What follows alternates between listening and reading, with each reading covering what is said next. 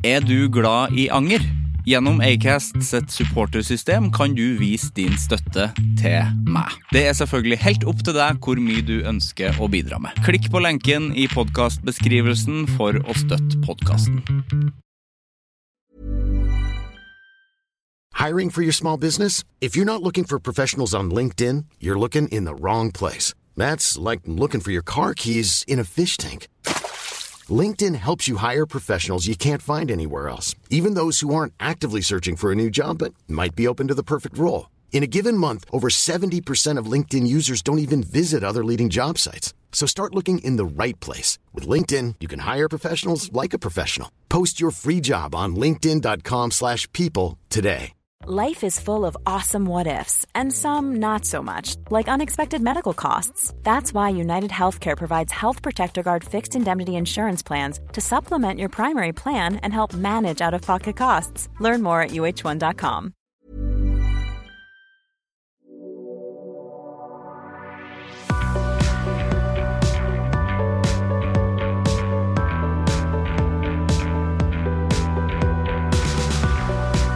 Facebook er jo ikke en plass man skal være på lenger. Det, bare, det blir bare mer og mer tydelig hver gang man tar en tur innom Facebook uh, og skjønner at man er eh, Jeg, da, som er 30, er jo virkelig Altså, jeg skal ikke være der, fordi at uh, Og herre er jo ikke noe Jeg sparker inn åpne døra her, men det er en det er en eldre generasjon som har tatt over der. Og det som er artig å se, da, er at de har tatt over en plattform, men de kan jo ikke internett. Eh, det deles eh, ting, det deles bilder, som jeg eh, sikkert har snakka om før, sånne der screenshots av mail som er så absurd tydelig svindelmail. Eh, hvor de eh, skriver sånn Skal vi, skal vi trykke på dette her, eller er det dette ekte? Dette er en ekte mail fra Posten. Eh, og så ser du at eh, adressen er HZY4963 C VYKLM Rexi 4321193 at jahrestyp at orgatjuk kø skråstrek at-post skråstrek inn kjærte. Er det ekte? Skal jeg svare på at jeg har fått en pakke her? Sånne ting er det, og så er det mye. Eh, nå nå syns jeg bare det var interessant å se at folk eh, skrev sånn Å, herregud, det er jo så mye krig og sånn som skjer i verden, men Dagbladet de skriver om alt mulig annet. Eh, det var det flere som snakka om. Eh, og det syns jeg er artig, altså. At du blir overraska over at Dagbladet skriver, skriver, skriver litt mer om Farmen kjendis enn uh, en folke, folkemordet som pågår på Gazastripa. Det er morsomt. Det var bare en betraktning. Sivert Mo heter jeg. Velkommen til Anger.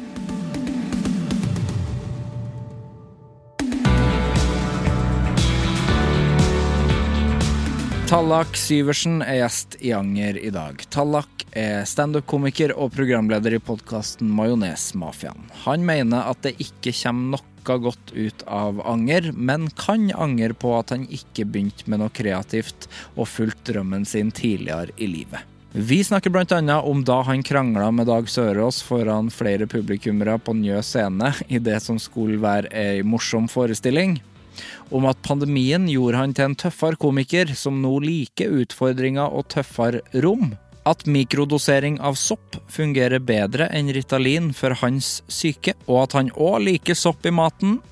Om hvor behagelig det er å lage noe som er morsomt og uformelt uten mange timer med forberedelser at nykommere i bransjen blir bare yngre og yngre, og at det er vanskelig å ikke sammenligne seg med andre. Hvor tafatt det er å prøve å lære noen å like tung musikk som bare syns det er bråk. Om å ikke la seg definere av å ha blitt utsatt for overgrep, og at det å snakke om det på scenen hjelper mye Og en god del om da han starta å røyke sneipa som tiåring, da han spiste grilla skorpion i Thailand, og gleden av å holde publikum som gissel innimellom. Nå starter vi.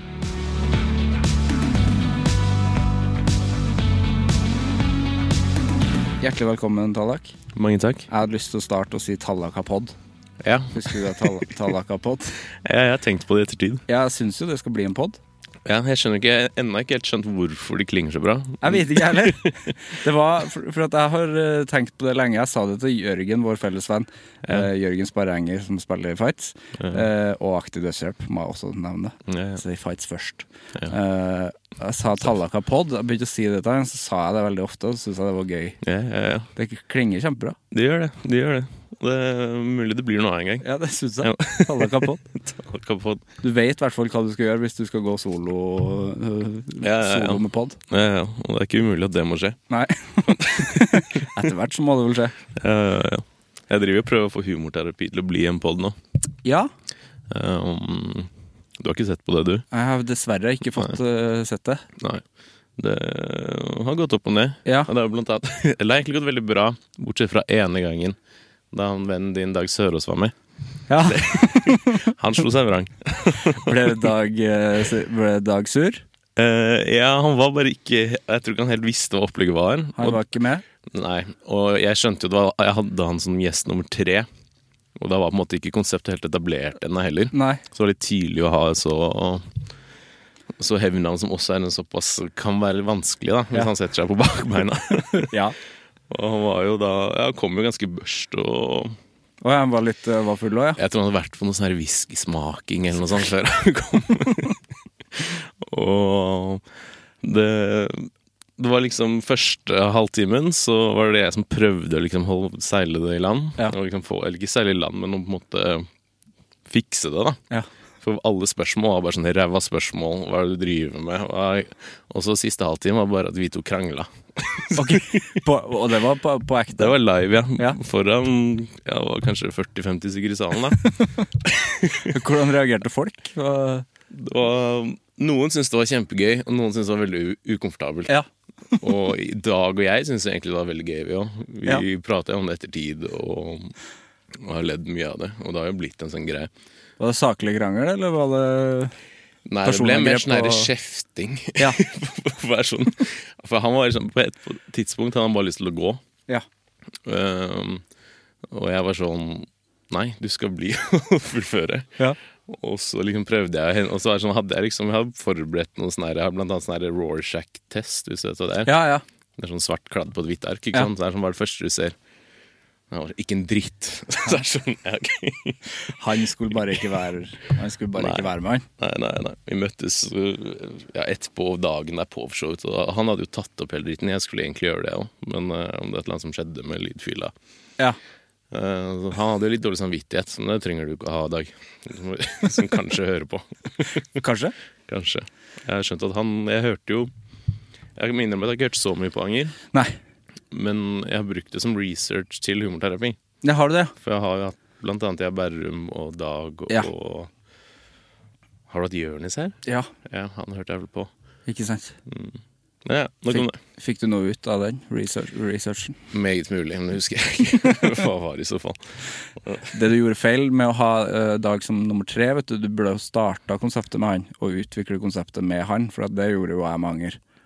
Ja, ikke sant? Ja, og så var det på dagtid hjemme hos han, hvor han ikke var full. Det var også en faktor, kanskje. Ja, Ja. ja, ja. Og jeg, jeg, jeg var helt sikker på at han hadde gått i terapi før, jeg. Men det har han jo ikke. Har ikke gått i terapi. Nei, nei, nei, han, Jeg tror ikke han har noe særlig troa på terapi, så det var så gjorde det litt vanskelig når jeg skal liksom leke terapeuten hans. Ja, for hva er konseptet? Ja, Det er jo på en måte konsept. Det er jo humorterapi. Det show jeg har på nye annenhver måned nå. Ja. Um, Jeg må få sett det neste gang, Tallak. ja, Det blir jo en podkast òg, da. Ja. Så nå har jeg tatt opp en del episodene som skal slippes etter hvert. Oh, ja, så det blir eh, livepod, på en måte? Ja, det, jeg driver og leker litt med tanken på å få det som en studiopod først, og så Mm. ja. Men konseptet er jo i hvert fall egentlig bare at jeg inviterer en komiker, Ja. og så gjør masse research, og så leker vi at jeg er terapeuten, og det er en pasient, da, og så har vi en time terapisession. Mm. Og så har jeg liksom forberedt en del sånn Jeg blant annet prøver å få en del sånne spørsmål som ikke kanskje har, de har blitt stilt før. da Liksom Grave litt. Uh, pluss en del sånne eksperimenter, som blant annet Rorschach. Og så er noe sånn Ja. Jeg har prøvd hypnose noen ganger, som har uh, vært gøy. Men det er også litt sånn kleint, for da ligger de stille, og så leser jeg en sånn der eh, regle. Eh, Men det funka. Det vært veldig gøy show. Gøy. Har hypnosen funka? Kan, kan du det? Nei, jeg har, fått en opp jeg har jo en sånn uh, eh, sidekick, Ja. som hjelper meg, da. Og um, som er en sånn oppskrift, så jeg egentlig bare leser av et ark. Jeg burde egentlig lære meg det. Men uh, jeg gjorde blant annet på Turab Avan. Han er Ja. ikke komiker, han er musiker, da, men Ja. jeg hadde med han også en gang. Og han, synes, han, han ble litt sånn der tripped out. Eller var sånn wow, det var sjukt, liksom. Ja.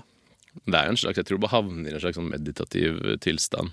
Ja, det er veldig vanskelig når du har 50 stykker i publikum som ser på. Ja, det er vanskelig å Man bør helst bare være to i rommet, tror jeg. Ja, ja.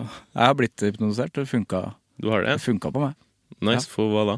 Eh, det var, var for sinne. Bare for å finne ut hvorfor jeg var så sint, og så okay. ofte. Eh, det er mange år siden nå, jeg er ikke så, jeg er ikke så sint lenger, så det har løst seg litt, da. Og det er litt takket være hypnosen? Ja, det, ja jeg vil si det. Jeg fikk liksom gå tilbake til både, altså Hypnosen gikk ut på å gå tilbake til eh, da jeg var yngre, for å låse opp minner som jeg ikke huska. Eh, For at jeg har veldig dårlig hukommelse, jeg husker ikke så jævla mye. Ja. Men da låste jeg opp et minne hvor jeg var fire år og veldig sint fordi at vi hadde slektstreff hjemme, og det var jævla mye folk der. Yeah. Og da gikk jeg til farmor på kjøkkenet og sa jeg liker Måkte henne ned. må, jeg, jeg banka farmor. Og da skjønte jeg jo fort at sinnet kom derfra. Da. Og sjukt å glemme òg, at jeg banka farmor da jeg var, fi jeg var fire. Det burde jeg jo huska. Nei, jeg sa, Man fortrenger det. Jeg sa til farmor at eh, jeg liker ikke folk.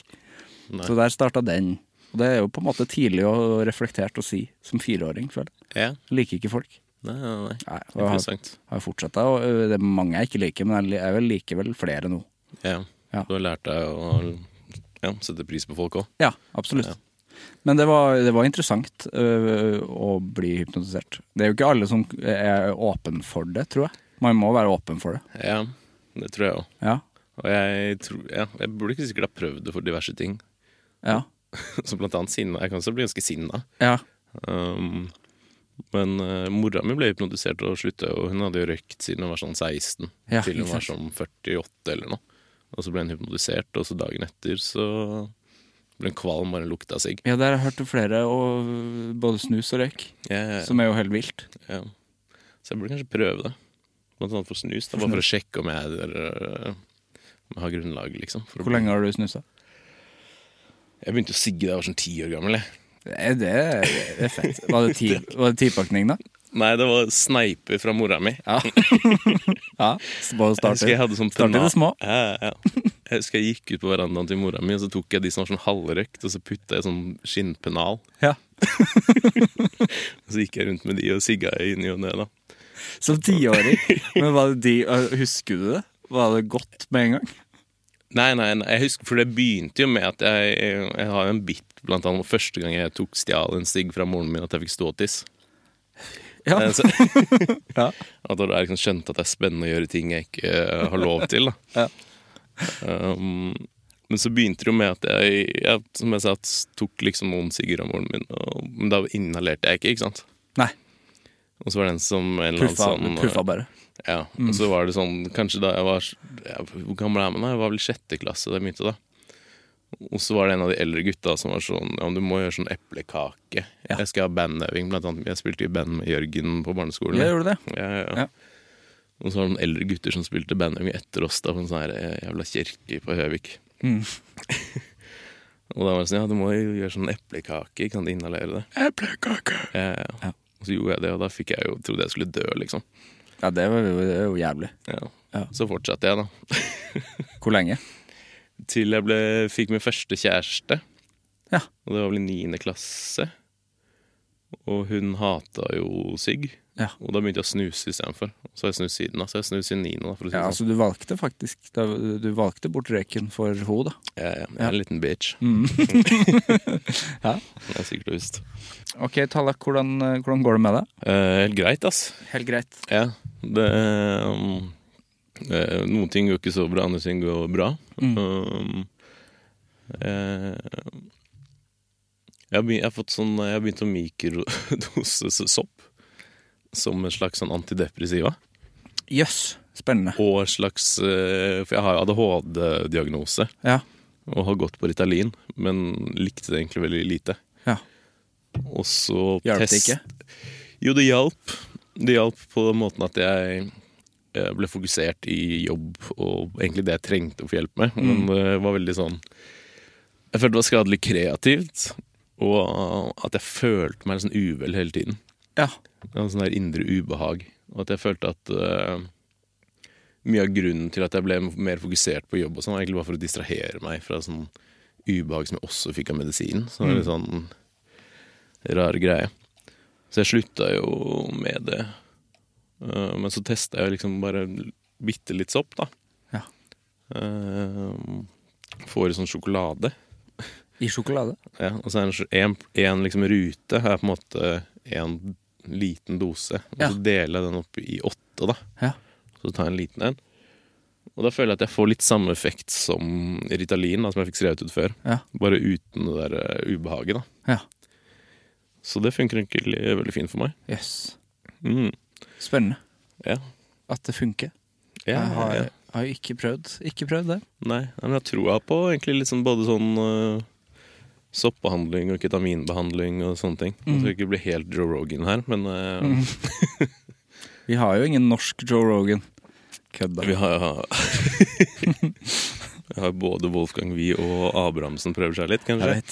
Ja, Espen, Espen uh, syns jeg slipper unna. Ja, jeg gjør det. Han er god kompis langt unna, langt unna både Rogan Ja, ja. og Wolfgang. Fin fyr. Mm. Har du hatt han her? Nei, han skal komme. Han skal det, ja. Han skal komme. Vi har Nice. ikke funnet dato. Nei, nei, nei. Eh, men eh, for, for indre uro, eh, er det det du tar det for? Ja, det er både en sånn indre uro og um, en slags Det er en sånn Ja, det er jo hovedsakelig det. Ja. Men det bunner ofte i Jeg fant nylig ut av noe som heter ADHD-paralyse, som jeg tror jeg har hatt noen ganger. Hvor jeg blir sånn helt sånn at jeg ikke klarer å gjøre en dritt, Ah, ja. men har en veldig sånn trang til å gjøre veldig mye. Og jeg blir par paralysert, liksom? Ja, Yes. Så jeg har hatt noen sånn periode hvor jeg bare er Og det er også men depresjon, vet jeg faen det. Men at jeg liksom ligger i senga nesten hele dagen uten å gjøre en dritt, selv om Ja. jeg har masse shit shit jeg burde gjøre. Um, så Men det går bedre nå, ass. Ja, det gjør det. Det, ja. Det, på en måte. Sliter som faen økonomisk, da. Og det Ja. stresser meg litt. Det er stressende. Så nå er jeg det er sånn 200 kroner på Nei, minus 50 000 pluss 200 kroner. Det er så Altså, det er jo noe av det verste eh, for psyken også. Man blir ikke Ja, Det påvirker psyken mye, det økonomiske. jo. jo. Nei, men jeg har det fint, jeg, altså. Det går seg til. Ja. Hvis antidepressiva funker, så kjør på. Jeg har fått tilbud om det, men jeg, det er litt på av at jeg hadde sånn dårlig erfaring med Ritalin. Ja, ikke sant? At jeg har vært litt sånn skeptisk. Skeptisk til medisin. Ja, eller bare sånn Burde sikkert ha utforska mer, men det er bare Ja, jeg tar faen. Men sopp det, jeg, har, jeg har ikke noe egentlig veldig erfaring med det. Nei. Jeg har prøvd på en måte en ordentlig soppdose én gang. Um, ikke fikk sånn kjempemye ut av, til at jeg kosa meg og, og dansa og hadde det gøy. Um, men mik jeg har prøvd liksom Jeg har mikrodosing både av sopp, syre og ketamin. Og det er litt samme greia, føler jeg. Ja.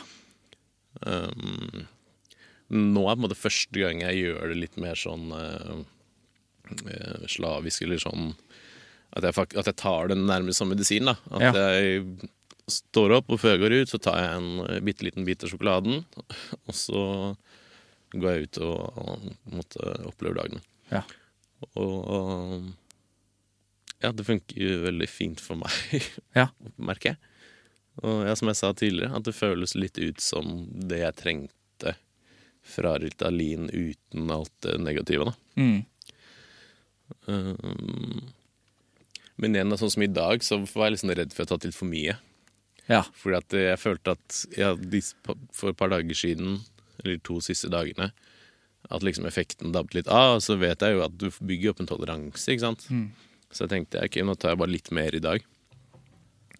Nå får jeg liksom For du har jo du har prøvd en sopptur før? Nei. Nei. Nei, aldri. Nei. Fordi Jeg vet ikke om du sier bare her. Ja, jeg, jeg blunker fælt. Nei da, men greia er jo at det er veldig sånn at du At det kan gå veldig bølger, da. Ja. At du du piker, og så går du ned, og så kan du liksom tenke sånn Ok, nå er det nesten over, og så plutselig får du en ny peak. Og at det er litt sånn Ja, ok. Det går litt opp og ned, da. Og det kan jeg merke litt også, sånn som ja, når du mikrodoser, at du kan plutselig Oi, nå føler jeg Føler jeg det litt, men når du mikrodoser, skal du på en måte egentlig ikke føle det så veldig. Du skal bare Nei, skal, du, skal det bare bli jevnt, på en måte? Ja, det skal være en sånn underliggende stabilitet, eller sånn. ja. Ja. Sånn det utgangspunktet er. Men, øh, men det blir aldri sånn at det er sånn Oi, nå begynner jeg å Begynner å liksom se ting, eller Men jeg kan bare merke at sinnet mitt kan bli litt sånn overdrive, da. Mm. Um, Jeg lurer på folk som driver med sopp. Er de glad i sopp i matlaging også? altså Er du glad i kantarell? jeg vet ikke Fordi er smaken, for det, det lurer jeg på, for som faktisk aldri har prøvd sopp. Så. Sma, Spiser man det? Så, eh, da, jeg, da jeg tok en ordentlig dose, så spiste jeg det. ja, og hva smaker Da det? smaker det jo litt sånn sopp. Folk sier at det smaker helt jævlig. Men det smaker det er sånn tørr sopp. Det er ikke noe digg. Ja, for det er tørka. Ja, Ja, men det ser ut Det er jo en sopp. ja, ja. Ja. Og fester seg veldig mellom tennene. Sånn, men jeg, jeg er veldig glad i sopp, da. I Ja, er glad i sopp? ma- Ja, se det. matlaging. Ja. Så jeg var liksom, prøvde det første gang, og um, for, Jeg har liksom hørt bare for alle det smaker så helt jævlig, og folk gjerne blander det i noe mat da, Ja. for at det ikke skal smake så jævlig. Jeg var sånn, jeg smakte litt sånn tørr sopp med litt sånn jord i. Ja. Men det var ikke helt jævlig, liksom. Nei. Har jeg putta ganske mye dritt i kjeften min, da, så jeg har litt sånn toleranse når det kommer til ting som smaker dritt. Hva er det verste du har putta i kjeften din? Jeg var i Thailand. Ja. Det, der, det starter ofte der. Jeg var uh, hovedsakelig Jeg var der en måned. Oi, en måned i Thailand? Ja, jeg hadde en sånn tre måneders eh, Nei, to og en halv. En måned i Indonesia, en måned i Thailand og to uker i Vietnam. Ja. Lars Berrum-tur. ja, I guess. Finne deg Finne deg sjøl-tur? Ja, jeg gjorde ikke det. Nei. Mista det? Nei, men uh, da var jeg For jeg var egentlig på Kotau, som er sånn øy sikkert folk har hørt om. Hørt om Kotau. Ja, hvor jeg egentlig bare dykka hele tiden. Fant veldig ro og likte veldig godt å dykke. Jeg hadde alltid likt havet godt. Men eh, jeg hadde et par dager i Bangkok, og da satt jeg på eh, en sånn street food-sted med en random kar jeg hadde møtt. Ja. Og så kommer det noen med sånn grilla skorpion, da.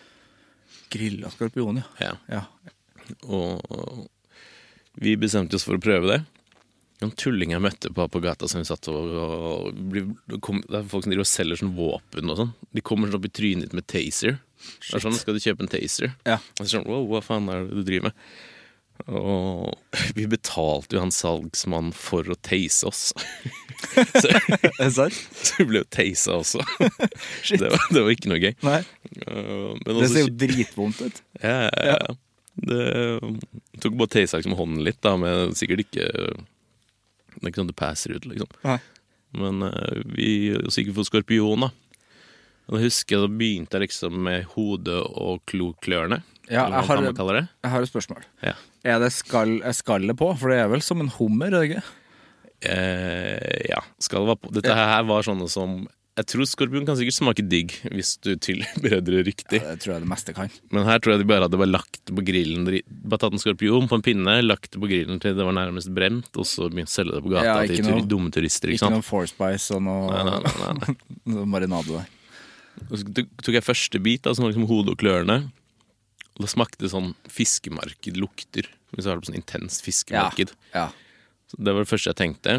Men så tok jeg andre bit, som var liksom halen og kroppen, da. Og da var det inni kroppen var det en sånn puppeaktig greie som eksploderte i kjeften min. Æsj. Og den, da, den var ganske nasty. Da husker jeg måtte øh, skylle ganske kjapt ned med ølen jeg hadde da. Jeg ser ikke for meg at skorpion kan være så godt. der, For hva er det en kor- skorpion spiser? De spiser jo Hva det de Hva spiser, er det de egentlig? spiser? For du blir jo det du spiser, tenker jeg, sånn matmessig. Ja, ja, Jeg har snakka med folk som har spist eh, isbjørn, og det, de smaker jo bare sel. For at de, de spiser Ja. bare sel, og det er ikke Men noe fisk, godt. da, det smaker jo godt. Hva spiser de? Plankton og andre fisk? Det er sant. De spiser andre fisk, da. Ja, de spiser, andre, det er kannibal, kannibaler, vet du. Ja. Og kylling. Spiser mais. Gjør ikke? Jo, noe sånt. Mais og korn. Noen korngreier, Ja. Det smaker jo kjempegodt. ja. Ja, ja. Så det var ikke helt solid poengnål der. Nei, det var en grei start, men det var ikke Det er jo samme som wagyu og sånn. De, det sånn, de spiser ikke de valnøtter og masse sånn Det fancy det. mat. Og, Men wagyu har jeg ikke spist. Jeg har spist fancy mat, ja. Hellstrøm, så han smaker jo sikkert da eh, ja, ja. wagyu-aktig. Sant, ass. Det er det vi burde gjøre. Vi burde Spise Hellstrøm. ja. Nei, sånn som griser er, for eksempel mate de med mennesker som har spist mye godt, Ja. og så spise grisene.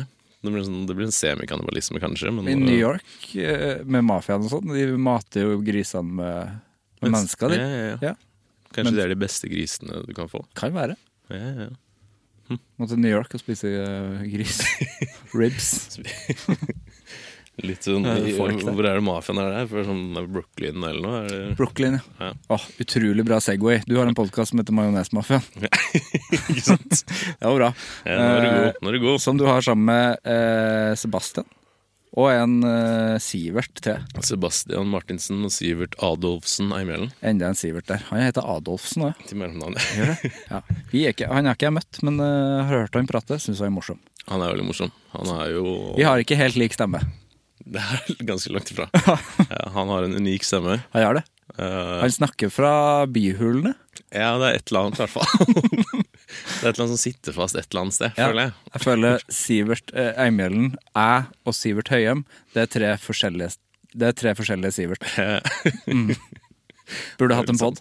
Ja, burde det. Når starta, når starta dere? Vi spilte faktisk inn episode 50 i går, 50 i går. gratulerer. og vi har jo hatt en i uka. Så nå er det om et par uker, så er det et år, da. Et år. Men litt av greia når vi startet på den, var at det skulle være en litt sånn derre Det skulle være um, rått og ærlig og ikke du skulle ikke liksom ha veldig mye forberedt, ikke mye spalter. Nei. Um, og hvis det da funka, så fortsatte vi. Men hvis det liksom ikke funka, så ville vi kanskje tenkt på å gjøre noe annerledes. Men så har det jo vist seg egentlig å funke ganske bra. Vi får jo Ja, det er også ja. Jeg husker vi fikk en prognose. Av sjefen, da. Det, er sånn, u- jeg kan jo bare nevne navnet, folk vet jo hvem det er. Det er Jonis. Folk vet veldig godt hvem han er. Ja, ja. Der, vi hadde jo Henrik Farli med oss som gjest for noen episoder siden. Ja. Han, litt om, han var litt skuffet over at Jørnisen har liksom blitt establishment. da. Ja. Blir corporate. ja, For det er liksom noe de alltid eh, fighta mot. Ja. Eh, Men jo, det er jo litt Det er jo på en måte Det har jo det er veldig, For han er jo på utgangspunktet en kompis, Mm. men også sjefen. Og så får han eh, Så det er en litt sånn ja, jeg Det er ikke optimalt. Nei, det er en vanskelig, vanskelig balanse. Ja. Ja. Um, nei, men eh, hva faen var det jeg skulle si? Uh, jo, han har prognose på liksom første året skal dere få 500 lyttere. Litt sånn som vi hadde i starten. Da med, med Henrik og Martin. Ja. Og, og andre året liksom 1000-1500 eller noe. Tredje året 4000 eller et eller annet. Ja. Men vi har jo på en måte egentlig Vi har jo nådd det, og vel så det. Egentlig femdobla det eller noe. Ikke sant? Men, Da går det jo bra. Ja, ikke sant? Men det tydeligvis ikke bra nok, da. Nå har jo Nei, faen, jeg skal ikke begynne å snakke dritt om et eget jævla produksjonsselskap sånn. Eh, og det mener jeg ikke heller. Jeg, jeg er jævlig takknemlig for alt eh, han har gitt, og det er alle tre. Og men vi ble litt frustrert over at vi tror liksom at vi har nådd mål, gjort det bra, og så plutselig har vi ikke det, da. Men det høres jo også digg ut å eh, kunne eh, lage noe og, eh, som man ikke må forberede så mye, og så går det bra. Ja. Det er jo det som er digg, da. Ja. Og det, det er digg, og vi forbereder jo litt. Vi har alltid sånn Det er jo på en måte egentlig Det eneste vi forbereder, er hvis vi, litt sånn som standup på en måte, at du tenker på hva som skjer rundt deg. Og hvis du opplever noe gøy eller noe som er interessant, eller, eller, så må du notere det. Og så har du et eller annet i Ja. tilfelle det blir sånn dead air, eller noe, så kan du ta opp det. Men vi har liksom aldri slitt noe med uavhe- Uavhengig om vi forbereder oss eller ikke, så har vi liksom ikke slitt noe med å ha flyt i praten. da Nei. det er selvfølgelig kvaliteten har variert, og vi snakker om varierer jo. Noe er gøy, og noe er kjedelig. Og... Men sånn vil det jo på en måte alltid være. Ja, ja. Um, Når man skal gjøre noe en gang i uka, og man er de samme tre, så er det jo og det er tre ja, Sånn som Ikke for episoden før der igjen, hvor det er sånn Han ene forsover seg. Vi skulle spille inn klokka seks på kvelden. og han forsover seg til halv åtte. Det er, det er godt. Det er godt. Ja, ja, Jeg kunne gjort det. Kunne gjort det ja, ikke sant? Hvis man legger seg nedpå etter middag. Ja. Eller er det fra morgenen av? Ja, det er fra hans morgen. Ja, for det er jo ganske Det er jo helt sjukt. Mange timer søvn. Ja. ja, men det spørs litt når han la seg òg, da. Ja, det er akkurat det. Ja. Så det er sikkert, ja, det er sikkert en solid mengde søvn, det er det nok. Men, eh, men uansett, jeg føler jo at det var litt det konseptet skulle være. At det skulle være tre tafatte folk som ikke har ting på stell. Og som måte istedenfor å liksom ha derre masse spalter og alt som er gøy, og planlegge ting, og la, la, la, og så skal vi bare snakke om hvor fuckings fucka livet kan være, og hvor stusslig tilværelsen kan være. Og folk relaterer jo, og folk hører på, og Ja. kommer på show, og la, la, la. Men, uh, men ja. Vi kunne sikkert, eller vi kunne garantert ha jobba mer, og vi burde jobbe mer. Vi har fått en unik mulighet, kan du si. Eh, men når- starta du med standup, eh, Tallak? Eh, I slutten av 2019. Ja. Så rett før covid, da. ja. Så du fikk, et, eh, fikk du da et eh, vanlig år før, før Nei, jeg fikk et lite halvår, vel. Ja. September 2019, tror jeg. Ja, ikke sant. Og så var det vel i mars 2020 det begynte å break out. 12. mars. Ja. Så jeg fikk jo et lite halvår, og det var jo um, Det sugde på en måte. Ja. For jeg følte at hver gang jeg liksom måtte komme litt inn i flyten og kosa meg litt med det og liksom begynte å bli bedre, Mm. så kom det en lockdown. Ja. Og så når det åpna igjen, da var det liksom veldig sånn følte jeg å begynne på nytt igjen.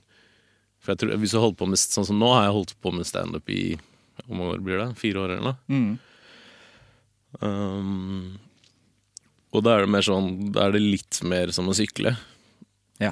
Men i starten så er det veldig sånn Da måtte du ha repetisjoner hele tiden for å utvikle deg og bli bedre og bedre.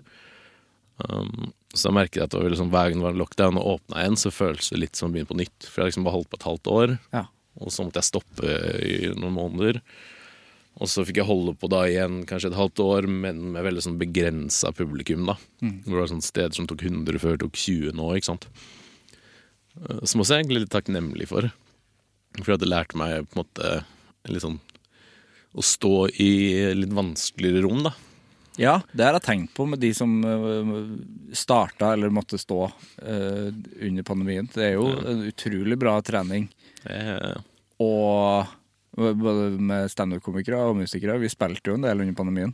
ja, Utrolig merkelig å spille eh, rockemusikk for folk som sitte sitter. og ja, ja. mm. Eh, Ikke sant. Og pluss at det var en del av de etablerte i de periodene der, da. De gadd ikke å stå på disse scenene hvor Nei. det var 20 istedenfor 100, ikke sant. Så det ga jo mer rom for nykommere. Um, så egentlig Ja, jeg ser, ser på det egentlig litt som en fin ting òg. Og jeg har lært meg kanskje å like litt for godt å stå i sånn skittige settinger. Kose meg veldig i å få Ja. folk Folk er litt sånn ukomfortable. Litt sånn her hostage-situasjon. Ja, for du sa det i stad også. Du- sa at du sto i går, og det, Ja. sånn som du beskrev det stedet og rommet, så hørtes det jo ikke sånn Det hørtes ikke optimalt ut, men du syns det var jævlig gøy? Ja, ja. Ja. Jeg har jo starta mest hatte og elskede stedet for standup med Linken. Ja. En bitte liten scene. Hvis det er tre stykker der, så gunner jeg på med show, og folk må stå. og det er sånn inngangsdøren er rett ved siden av scenen, så det blir sånn hele tiden er fint. avbrutt av at folk går inn og ut. Det er scenen på Revolver, det. Eh, Det er en bitte liten scene rett ved inngangsdøra. ja, men dette her er ganske mye verre. Ja, er. Revolver er en ganske nice standup-scene. Ja, det er det faktisk. Nei, faen, Revolver blander jeg med uh, Last Train. Last Train tenkte jeg på. Ah, ja. Der er det en bitte liten scene ved inngangsdøra. Revolver er ja. Ja, det er nice. ja. Mm. Men Linken, ja. Det er eh, Sportsbar. Det Ja. ikke noe musikk mellom slagene. Det var bare sånn Det Er det masse TV-er med fotball og sånn? Ja, ja, det er det, ja. Så selv om vi prøver Vi har, på en måte, vi har torsdager hvor det egentlig ikke er så mye fotball. Så Men eh, ja, jeg syns det er veldig gøy. eh, akkurat det der. Og i går jeg sto Og det er altså sånn sted hvor det er sånn Det er mye folk, ja. men de er der ikke for å se på standup. Og så bare plutselig setter vi i gang med å ha standup. ja. Og standup for mange er ganske sånn Det er mange som ikke tør å dra og se på standup fordi de syns det er så ukomfortabelt å se folk gjøre det dårlig. da Bombe. Ja, ja. Um, ja, så når det er et publikum med kanskje fem stykker som er der for å se på standup, og 20 stykker som ikke er der for å se på standup, Ja. og vi har liksom show midt i rommet, så er det sånn ukomfortabelt for de å bare gå og sånn òg. Ja, det- blir litt sånn ja, de er gissel- fanget. Ja, ja, det er gisselopplegg. Jeg hadde jo ikke gått det heller, da. Nei. Men da, måte, da må du jobbe på en annen måte da, hvis du står foran 100 stykker på Njø, og alle er der for å se på deg, liksom, eller for å se på standup, da. Ja, for hva er da eh, Hva er det som går gjennom uh, huet ditt da, når, du, når det er så vanskelige forhold? At nå at det er liksom ingenting på spill. Så Nei. jeg kan Hvis jeg står på Njø sammen med masse etablerte folk, og folk er der for å se på deg, og du, da er det liksom Da er det press. Da, nå, du skal selvfølgelig gjøre det bra, men det er på en måte, da er det veldig mye sånn Da har du mer oppskrift du følger. Um, men hvis det er et rom som det sto i går, da, så er det mer sånn Du må på en måte anerkjenne rommet og ta på en måte stilling til det og på en måte inkludere Det er ofte crowdwork funker bra da, Ja. Og løsne publikum opp. Så det blir litt, litt mer sånn lekent, da. Ja. Um, og da Fordi det er jo Hvis du drar på ja, for eksempel eller Latter eller noe, så har det ofte en sånn komiker går opp, og så har de en settliste, og så forteller de vitsene fra A til Å. Mm.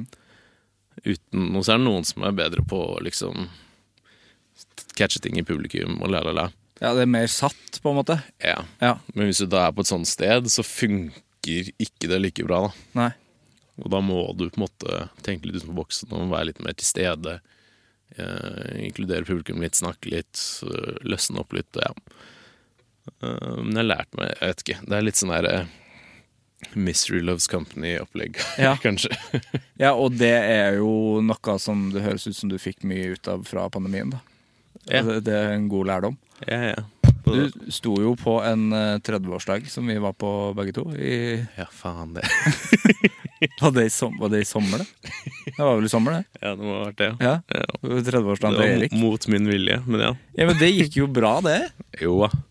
Lo, jeg. Jeg husker Men det var ikke Det var absolutt ikke et sted for standup, det, nei. Nei. nei. Det var rabalder, var det ikke? Det var på rabalder, ja, ja, det var standup-scene nede i kjelleren der. Mm. Uh, jeg tenkte på det i går. Hadde du mikk? Var det mikk? Jeg fikk en mikrofon. Fikk en mikk Jeg gjorde det. Ja. Og midt på gulvet der. Altså, ja, ja. Og folk satt rundt på Folk satt rundt. Du var liksom i midten. ja. Ja. Og det var Jørgen som var sånn først sånn pådriveren for det, at jeg skulle gjøre det. ja. Og, um, Jævel. ja. Jeg hadde ikke lyst, og så kom foreldrene til Eirik Langva. Ja. Og, så, tror- og var sånn Jo, jo, det må du gjøre, det må du gjøre. Og så gjorde jeg det, og så gjorde jeg settet mitt, og så så jeg på foreldrene til Langva. Jeg tror ikke de Jeg begynte jo snakke om ja, dattera deres og Ikke bra. Um, de, jeg tror ikke de var helt eh, fornøyde. Jeg tror jeg angret litt på at de pressa meg sånn. Men det var, det var også litt sånn her Ok, siden dere presser meg sånn, så skal, jeg, skal dere få smake litt. ja det synes jeg Det var jo deres feil, da. Ja. Ja. Nei, men det var absolutt Folk syntes det var gøy, så ja, Jeg synes det var gøy. Ja, det er bra. Men uh, veldig det, det virker Altså sånn utenifra. Virker tungt. Det virker tungt å gjøre, gjøre sånne ting. Ja, det er akkurat det sånn derre bush Det er noe av det verste. Sånn derre Det er litt sånn som sånn, sånn, uh, sånne firmajobber. Ja. Hvor det er bare sånn Folk er der for noe helt annet. Og Og Ja, det er ikke egna. Og det er Ja. jeg angrer ikke Jo, jeg, jeg, angrer ikke på at jeg gjorde det. Nå, nå Bra Segway til Ja, vi er, snart, vi er snart der, faktisk. Vi er snart der, ja. ja. I'm Sandra, and I'm just the professional your small business was looking for. But you didn't hire me because you didn't use LinkedIn jobs. LinkedIn has professionals you can't find anywhere else, including those who aren't actively looking for a new job but might be open to the perfect role, like me. In a given month, over 70% of LinkedIn users don't visit other leading job sites. So if you're not looking on LinkedIn, you'll miss out on great candidates like Sandra. Start hiring professionals like a professional. Post your free job on linkedin.com/people today. Hva er forholdet ditt uh, til anger? Eh, minimalt, tror jeg. Burde, burde, sikkert vært uh, Eller egentlig ikke. Anger Jeg føler at uh, det er visst jeg føler det er en sånn un unødvendig følelse. Mm. Litt sånn som sjalusi, blant annet. Ja. Her begynte hun her fordi at du For du nevnte tidligere at du var veldig sinna. Mm. Men anger og sinne Selv om anger er jo sinne på engelsk, men det er kanskje det er ikke det, det Nei, det er ikke det samme. Og det er mange som tror at det er anger. Anger eller angst, tror de det. Uh, fordi de ser den tegninga av meg på bildet der. Jeg ser jo veldig sinna ut der. Yeah. Uh, og veldig mye tynnere ut, altså. Ser ikke ut som meg i det hele tatt, det bildet der. Good old days? Good old, nei, ikke good, nei. men old. The old days. old days. eh, men sinne det gir mening, fordi at eh, før Anger så hadde jeg en podkast som heter Sur og sint, sammen med en venninne som heter Sofie. Da var hun sur, og jeg var sint. Så for meg var eh, en overgang fra sinne til anger egentlig bare tema. Fordi at jeg ville ha et tema som var litt mørkt. Ja. Fortsatte det litt der. Ja, ja, Men jeg angrer du mye? Ja, jeg angrer jo litt hele tida. Ja. Eh, på småting. Ja. Småting jeg sier og gjør. Ja. Men er det ikke en forskjell på hvorfor du angrer og ønske? Ja. For jeg, for det, det er ting jeg liksom skulle ønske var annerledes. Eller jeg gjorde annerledes. Ja. Men jeg angrer ikke nødvendigvis på det. Nei, men det er jo Anger spiller jo inn der, da. Ja. Derfor ønsker jeg mer sånn positivt lada. Det det. Men for sånn, hvis du tenker Ønske er jo veldig positivt hvis du tenker på fremtid, da. Mm. Men fortid så blir det jo fort kanskje anger, da. Ja, anger er jo fortid, og anger er jo alltid nesten bare negativt, fordi at du får jo ikke gjort noe med det. Nei du får uh, eh, forbedra det hvis du skal gjøre det igjen. Ja. ja. Og, for, ja. og anger Anger er kanskje mer sånn kunne sånn, Noe du ønsket var. Hadde du kanskje mindre kontroll på enn noe du angret på var. Mm. Skjønner du? Mm. At anger er mer sånn 'Dette hadde, burde jeg gjort annerledes'. Ja. Mens ønsket er mer sånn 'Som ble det', liksom. Men har du noe sånt da, som du, som du burde ha gjort annerledes? Som du tenker på? Det er en ting jeg tenker, har tenkt mye på, og det er jo at jeg ikke begynte tidligere med stand Eller at jeg ikke fulgte kreativ veien, da. Mm. For jeg, jeg, var jo på en måte veldig sånn tydelig fra start at det var det jeg burde. Mm. Sånn På barneskolen begynte jeg jo i band med nå din bandkompis. Um, og, og, spilte musikk til videregående. I videregående spilte jeg Eller var skuespillerrevy. Og var veldig sånn, hele tiden veldig glad i film, TV, musikk og det kreative. da Standup-humor. Uh, men så var, ble liksom uh, det derre uh, presset fra det rundt deg, da, samfunn og foreldre og venner, at det er sånn ok, når du er ferdig på videregående, må du ta en grad inn et eller annet. Mm. Jo, altså, jeg, hadde ikke, jeg hata jo skolen. Jeg takla skolen veldig dårlig. Um, men da jeg var ferdig, så er det sånn For det med sier, det, er vel sånn nåløye da, hvis du skal satse på kultur eller kreativitet videre. Men det er jo i ettertid standup er ikke så Hvis du har litt sånn Noe som jeg har alltid vært av morsom i klassen. Alltid i, i gjengen, ikke sant. Vært klovnen. Og, og det merket, det er veldig sånn Det er utholdenhet. Um, så jeg angrer på at jeg ikke satsa på det. da At jeg, sendte, jeg begynte på Universitetet i Bergen, studerte retorikk Ja. av en eller annen merkelig grunn. Ja. Eh, For så vidt syntes det var interessant, men igjen, da. Jeg hata skolen. Og fikk det jo ikke til. Har, det er jo sikkert litt ADHD-greia som alle har om dagen, men uh, Jeg hata skolen sjøl, jeg. ja. Men uh, Og så begynte jeg jo da med standup da jeg var 27 år gammel. Ja. Og da var jeg, For da hadde jeg jo fast og fin jobb, tjente greit. Uh, men bestemte meg for å begynne med standup. Gjorde det. Og så, etter ett år, så gikk jeg ned i stilling i jobben. Og var sånn, nå skal jeg gjøre det her i tre år. Og hvis det liksom bærer frukter, skal jeg fortsette. Og så gjorde jo det, da. Og så har jeg jo fortsatt. Jeg er fattig som faen nå, da, for jeg har ikke den jobben. Men jeg begynner å tjene mer og mer på standup. Men, men ja, så det er kanskje noe av det jeg har tenkt mest på, at jeg angrer på. da At jeg ikke bare At jeg ikke hørte på meg selv, da. Men at jeg hørte på alle rundt meg. ja. Til å liksom okay, ta en grad, gå på universitetet, få deg en jobb.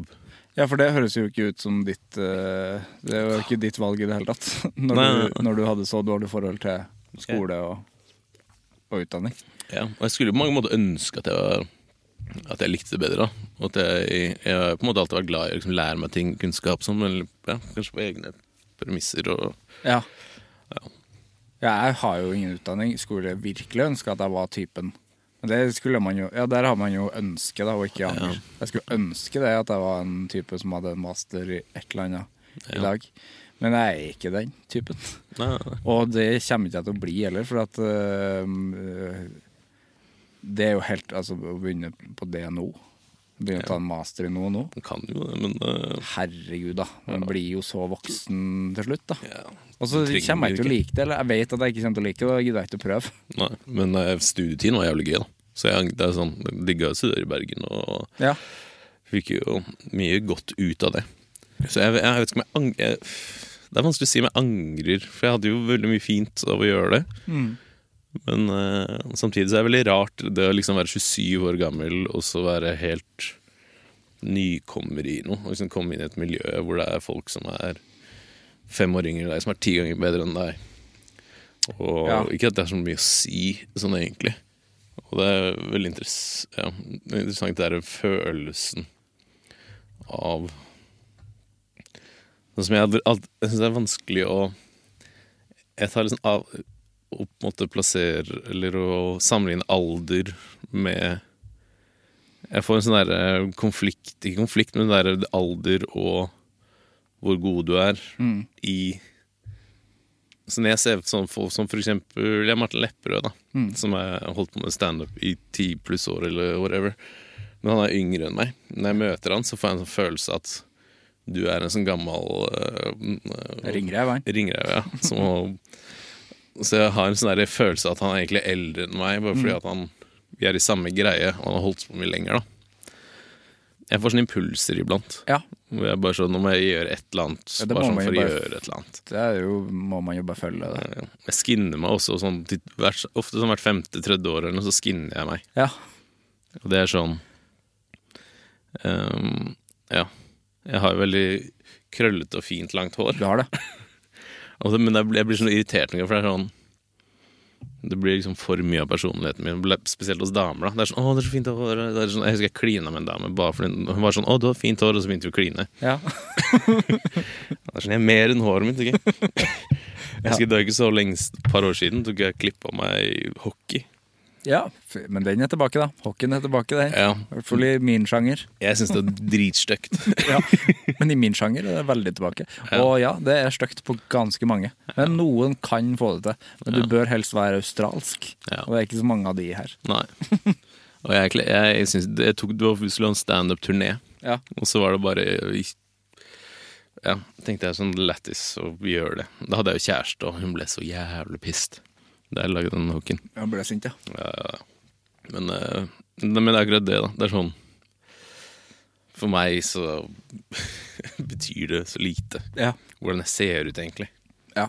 Det, jeg tenker litt på det, selvfølgelig, og jeg vil jo på en måte se bra ut. Mest, man kan føle seg bra, og så videre. Men eh, Det er jo en fin ting, da. ja, jeg får noen impulser hvor jeg bare sånn Nå må jeg fucke opp et eller annet. Ja. Det er en sånn selvdestruktiv greie jeg har, tror jeg. Ja, Jeg er ganske selvdestruktiv. ja det virker litt sånn. Jeg kjenner meg jo igjen i det. Ja. Uh, men så kjenner jeg altså, tenker på, som du snakka i stad om alder og sånn uh, Fordi folk de blir jo bare yngre og yngre. Både i humor og skuespill og musikk. Folk blir jo bare yngre og yngre, de som liksom uh, får det til fort, Ja. føler jeg. Ja. Og da, det kan man jo bli stressa av når man er eldre. ja. Eh, men, så, men så går det jo ikke an å sammenligne seg med andre Nei. på den måten heller. Nei. Jeg skjønte det at det ikke gikk an å tenke på alder da vi fikk ny justisminister, og hun er Ja. født i 93. Da tenkte jeg sånn da, Helt tilbakestående. Ja, det, det er absolutt, men fortsatt uh, mer enn jeg har fått til Ja, i livet mitt. Da har jeg født i 93. Og tenke sånn Nei, men jeg, da, vi er ikke på samme sted, så det handler ikke om når man er født. Nei, nei, nei. Og det betyr jo ingenting. Og det er ikke sånn at jeg skulle ønske jeg begynte tidligere for at jeg da var liksom var mer a par, liksom mer, mer med de på jevnaldrende. Var mer at hvis jeg hadde begynt tidligere, så hadde jeg vært bedre nå, Ja, på en måte. tror du det? Nei, det er også et interessant spørsmål, da. Ja, for det er jo sånn tankegang som jeg blir gæren av, men det kan jeg jo tenke på ofte. Ja, Hvorfor starta man ikke tidligere? Hvorfor gjorde man ikke det valget? ja. Det, er, jo mange sånn standup-komikere som sier liksom du blir ikke ordentlig god før du liksom holdt på i ti år og sånn. Ja, Um, og det er sikkert noe sannhet i det, men det er også det det er derre veldig lenge, da. ja, Det var lenge. ja, men det, er, det, det har noe i seg, tror jeg. 10 000 timer, men kanskje ikke 10 år. Nei. Nei, ikke sant, men når du får fem minutter på scenen fem Ja, er ganger i uka, så Blir fort det jo det. ikke sant? Ja. Men um, um, Hva var det jeg skulle si? Um, At det ligger noe sannhet i ti år. ja. Faen, fikk jeg, fikk jeg helt uh, brain carpet, som Jørgen sa på uh, engelskeksamen, husker jeg. Frank Carpet. det er fint. Uh, men uh, ehm, Jo, hvis jeg holdt på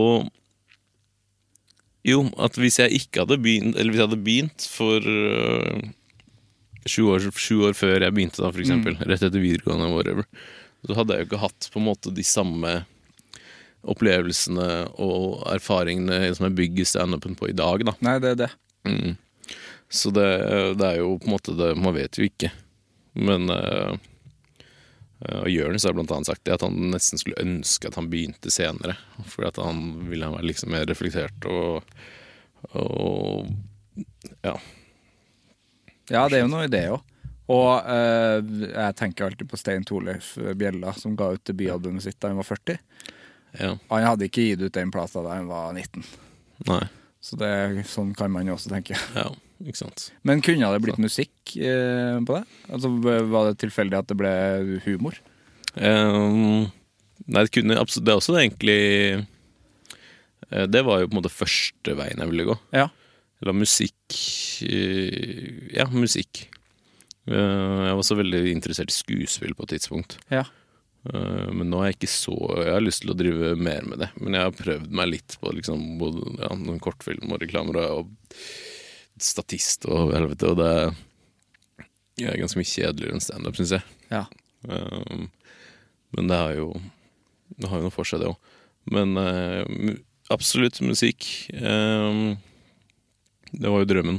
Jeg husker jeg, jeg begynte jo med band da jeg spilte i sjette klasse.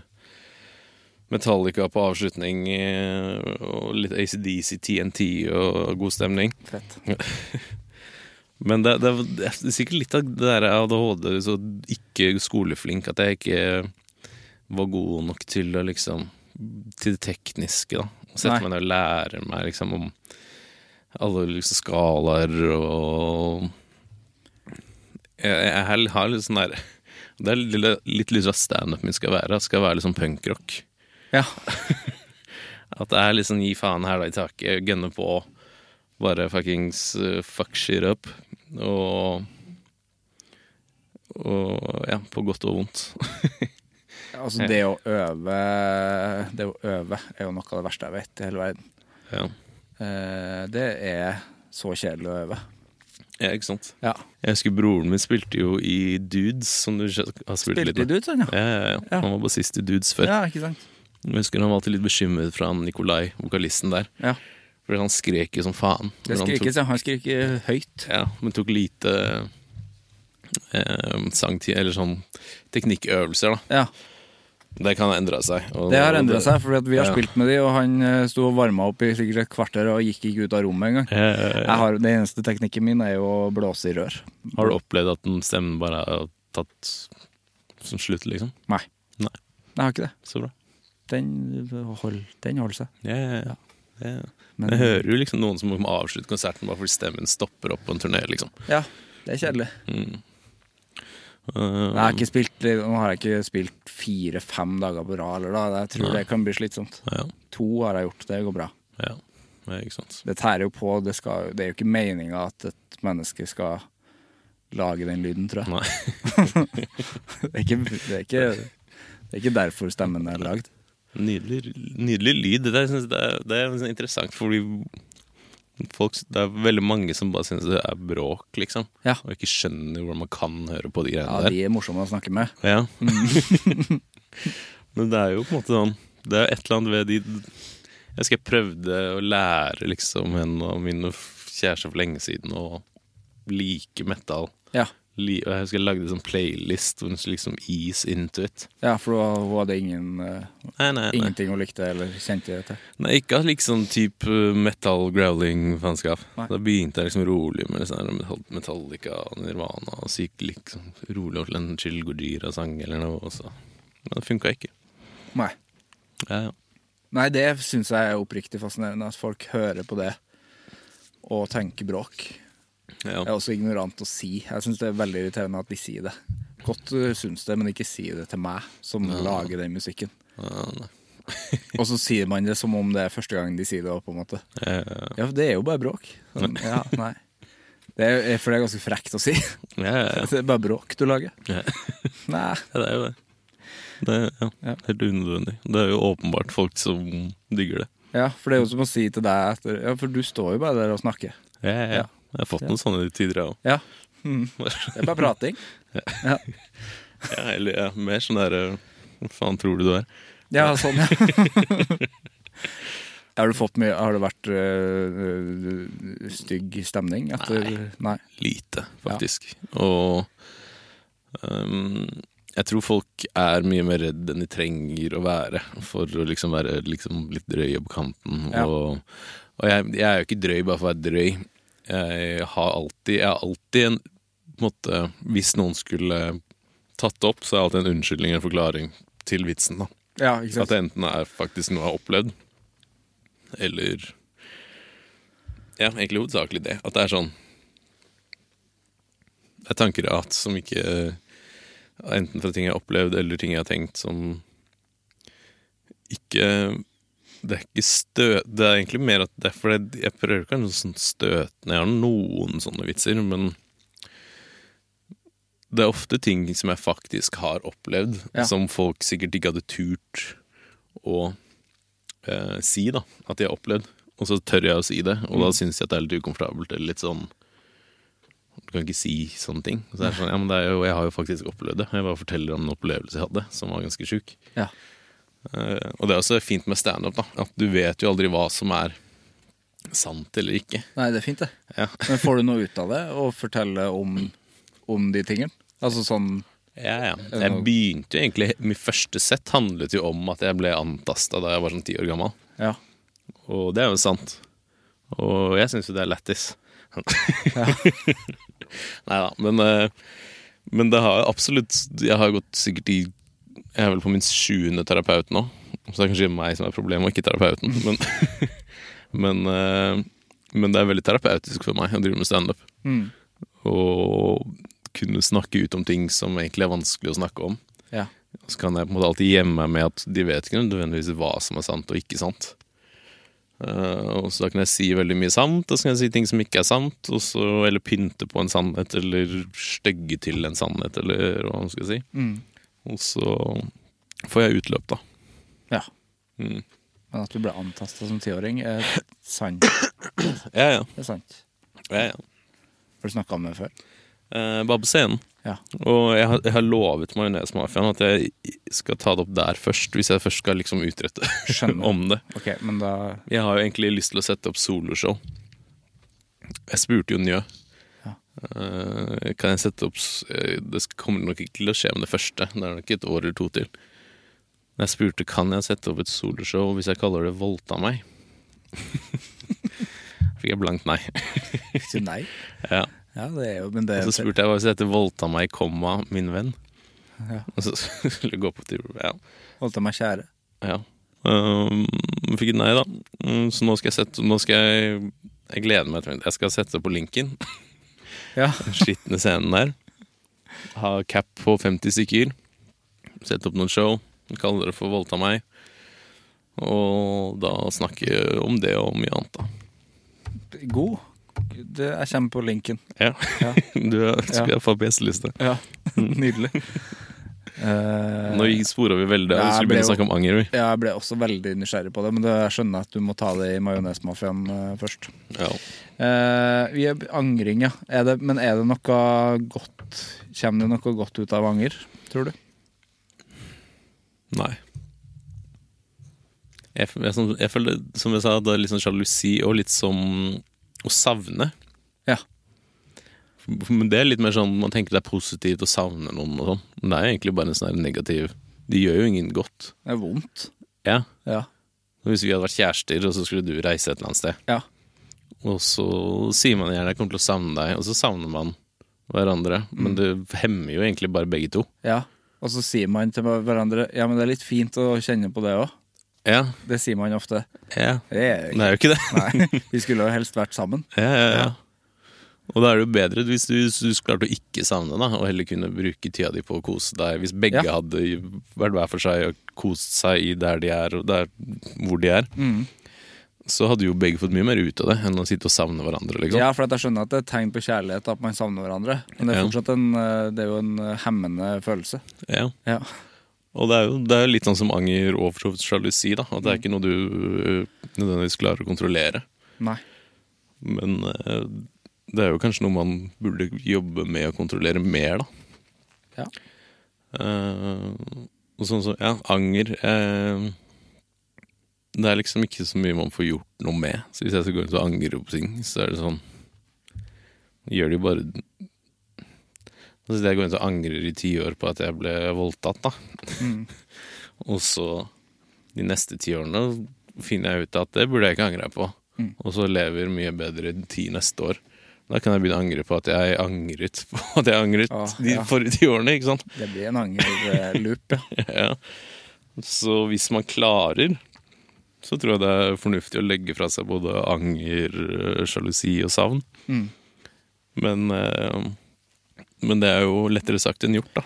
Mitt personlige mål med denne podkasten er å holde på med det så lenge at jeg eh, slipper å dø med en skrikende anger når jeg blir gammel, for det er mitt største mareritt. Ja. Jeg tenker ofte på at jeg kommer til å dø, og angre på alt når jeg dør. Og det tror jeg jeg gjør. Og det, ja, ikke sant? det er hemmende. Men, det er hemmende, ja. Mm. Så, du, det, ja. så du er faktisk veldig angret av deg. Det er jo 100 ja. Ja. ja. Det er derfor jeg har holdt på i så mange år. Men hva er det du sånn, Har du et spesifikt eksempel på noe du angra på nylig? Nylig. Nei, men det er, det er akkurat det der. Det er så uh, småting. Nylig Ja. så Ja, det er Jeg kan bare angre på at jeg uh, sov for lenge, liksom.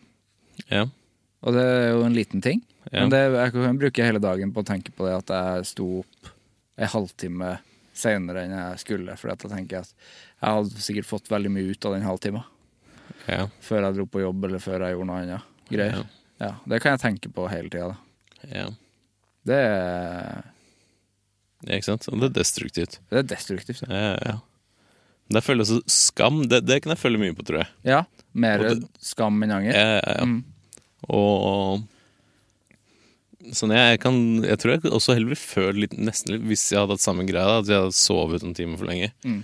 så ville jeg skamma meg nesten mer. Eller Ja. angra mer. Ja. Jeg tror ikke jeg har det helt i meg å angre så mye, for å være helt ærlig. Jeg ser liksom ikke Det er ikke at jeg ser så jævla mye funksjonen i å skamme meg heller.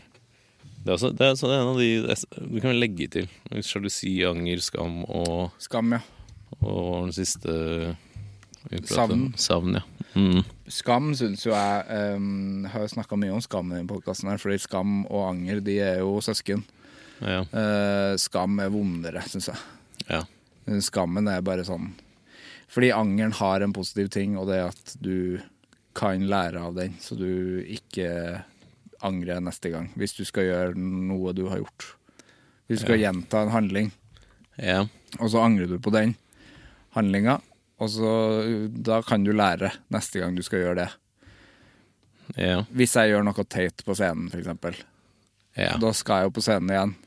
Da lærer jeg jo at jeg ikke Da, da gjør jeg ikke det. ja. Sånn, Så det, den har en sånn korrigerende eh, funksjon. Men det har ikke skam. Skam syns jeg jo bare er vond. Ja. Ja. Jeg har noe, ja, på grunn av mye av det snakket om som jeg egentlig ikke skal snakke så mye om. Ja. Så um, har jeg fordi Ja, det var egentlig det jeg burde ha nevnt i sted. At det var standup som fikk meg Fordi jeg ble jo antasta som kid. og det er jo noe jeg skammer meg over. Um, og ikke liksom holdt hemmelig for meg selv hele livet. da Frem til jeg begynte med standup. Og det var, da, det var da jeg begynte måte å åpne meg om det. Og jeg begynte å lage jokes om det. Og begynte å le av det. Uh, samme venner. Da ble det liksom klarte jeg å ufarliggjøre det litt, da. Og fant ut at Faen, det er jo på en måte ikke uh, så farlig egentlig, hvis du bare eier det. Og, og det husker jeg Det er sånn fine For det er det verste når jeg liksom snakker, hvis jeg snakker om det, og folk er sånn Å, stakkars deg. ja. Hvordan går det med deg, og hvordan må det være forferdelig, osv. Men etter jeg begynte å snakke om det på standup-scenen, og jeg liksom går backstage, og folk er sånn Nei, det er han der som ble voldtatt som barn, jo. Og da ler jeg av det. Ja. Gir han en klem og syns det er koselig, liksom. ja. Og det liksom ufarliggjør hele situasjonen, da. Um, Ja, altså humoren, altså det humoren og det miljøet hjelper, hjelper på det. ja, for jeg har, jeg har aldri, aldri egentlig tenkt at det har påvirket meg så mye. Nei. Men det har vært en sånn her underliggende ja, skam, sikkert. da At det er sånn Det er kleint å fortelle om liksom. For, og det er hovedsakelig ikke fordi Jeg tror ikke det prega meg så jævla mye. Men det er mer det der at hvis jeg sier det, så gjør jeg andre ubekvemme. Og det syns jeg er ubehagelig, da. Ja. Men når jeg da på en måte Så det er jo litt av målet, kanskje, kanskje litt av grunnen til at eh, grunnen til at jeg begynte med standup, det er egentlig Men kanskje det hadde en eh, effekt, en sånn eh, ja, rehabiliterende effekt, å kunne på en måte snakke om det på en køddende måte. Og så har jeg jo snakket om det med folk på en seriøs måte òg, liksom. Og spesielt ja, hovedsakelig psykolog, men også familiemedlemmer som på en måte, etter å ha åpnet om det, vært liksom nysgjerrig på hva faen som skjedde da. Um, men uh, Faen, nå begynte jeg å snakke om det jeg skulle, ikke, skulle snakke så ja, men jeg syns du gjorde det fint, for at du snakka på en måte ikke om det, men rundt. Ja. Så Fordi det, det høres jo eh, det, det du nevner, at eh, man gjør andre ukomfortable. Og Ja. det er jo det i møte med liksom tema som man ikke kjenner til sjøl, så blir man jo ukomfortabel. ja, ja, Og det er jo ukomfortabelt for det mennesket som også har opplevd det. Fordi man får på en måte ikke Man må jo uh, Man får jo ikke snakka med noen som har uh, opplevd akkurat det samme hele tida, for det har jo heldigvis ikke alle. Nei, og så er det folk som har opplevd det, som lar det prege og påvirke hele livet sitt. ikke sant? Ja. Og nærmest forme livet. Og jeg føler at det var veldig sånn det skjedde med meg, og så liksom bare sånn, ja, fuck it, det skjedde. Ja. Jeg skal ikke si det til noen, for det er fucka ting. Men jeg klarer å leve med det, liksom. Det er ikke noe stress. Og det mener jeg fortsatt. Og det er det som også begynner å bli skummelt når du begynner å si det til folk. Fordi da skal de begynne å Jeg har jo visse problemer mentalt, liksom. Ja. eh, som jeg sliter med. Ja, men i hvert fall. Så, og da skal de liksom begynne å si sånn Ja, ja, men det er jo derfor. Og så tror ikke jeg nødvendigvis det. Jeg føler jo ikke at det er derfor. Jeg følte Nei, at jeg kom meg liksom over det. Men det er veldig sånn lett når du sier det. Det er lett å legge alt på det. Ja, så er det sånn Ja, ja, men det må jo være derfor. Ja. Og som jeg føler er liksom mye av det som skjer i sånn psykisk helsegreier. At du skal liksom du, du leter bare etter en sånn pinpoint. Ja, ja. Altså, ok, det, ok, det er barndommen din, ja, det er moren din som Mm. var kjip, eller ja. Og så blir man fort låst og blir, får litt sånn tunnelsyn, da. Um, Ja, det har jeg slitt med masse med psykologi generelt. At eh, man ikke kan være deprimert uh, uten uh, Man kan ikke være deprimert og samtidig ville leve. Det virker helt umulig i, i psykologiverden når man skal eh, i terapi. ja. Fordi det går faktisk an å ville leve, men være deprimert. Men det første spørsmålet man får oftest, er jo hvis du snakker om depresjon, er jo ja, har du vurdert å ta livet ditt? ja. Eh, og min tanke første gang jeg fikk det spørsmålet, var jo faktisk eh, Nei, jeg har ikke tenkt på det før du sa det nå. Og det tror jeg, det tror jeg jo trigger. Ja, og det tror jeg jo faktisk kan skje. Ja. Ofte. At det er sånn Å ja, det, ja, for det er en løsning, ja. Ja, nei, takk. Takk for den. Eh, for det, ja. Folk sier det er veldig egoistisk å ta selvmord, Ja. men det er mer egoistisk å leve så lenge at alle rundt deg skulle ønske at du var død. Det er noe å tenke på der ute. Det er noe å tenke på. Det var, fin, det var fine siste ord, egentlig. Takk. Ja, skal vi runde av? Ja, jeg syns det. okay. Jeg har et siste spørsmål. Okay, for, Eh, hvem syns du jeg skal snakke med i Anger? um, Sivert er jo han Eimelen er sikkert uh, Jeg vet ikke om en Sivert kan snakke med en Sivert. Jeg vet ikke om Nei. det liksom Jeg må tenke litt Tror du ikke uh, at tid og rom opphører når to Siverter møtes? Jeg tror det funker helt fint, det. Vi kan bare kalle han Adolfsen. ja, det kan jeg faktisk. Adolfsen og Mo. Det er jo en podkast.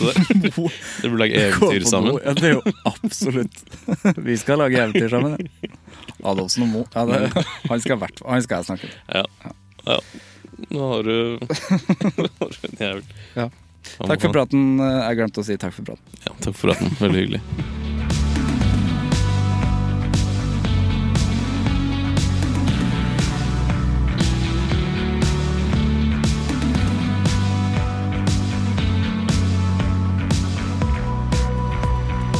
Det var Tallak og meg. En eh, veldig trivelig prat eh, om eh, det meste. Starta tidlig på mikrodosering av sopp der. Det er jo et tema som jeg ikke snakker mye om. Det er ikke, det er ikke ofte vi har snakka om det i Anger. Vi har snakka om mikrodosering av nikotin. Jeg, jeg er nysgjerrig. Og jeg syns når folk snakker åpent om det som funker for dem, både psykisk og fysisk, kjempebra. Vi høres. Hei. Produsert av Klinge.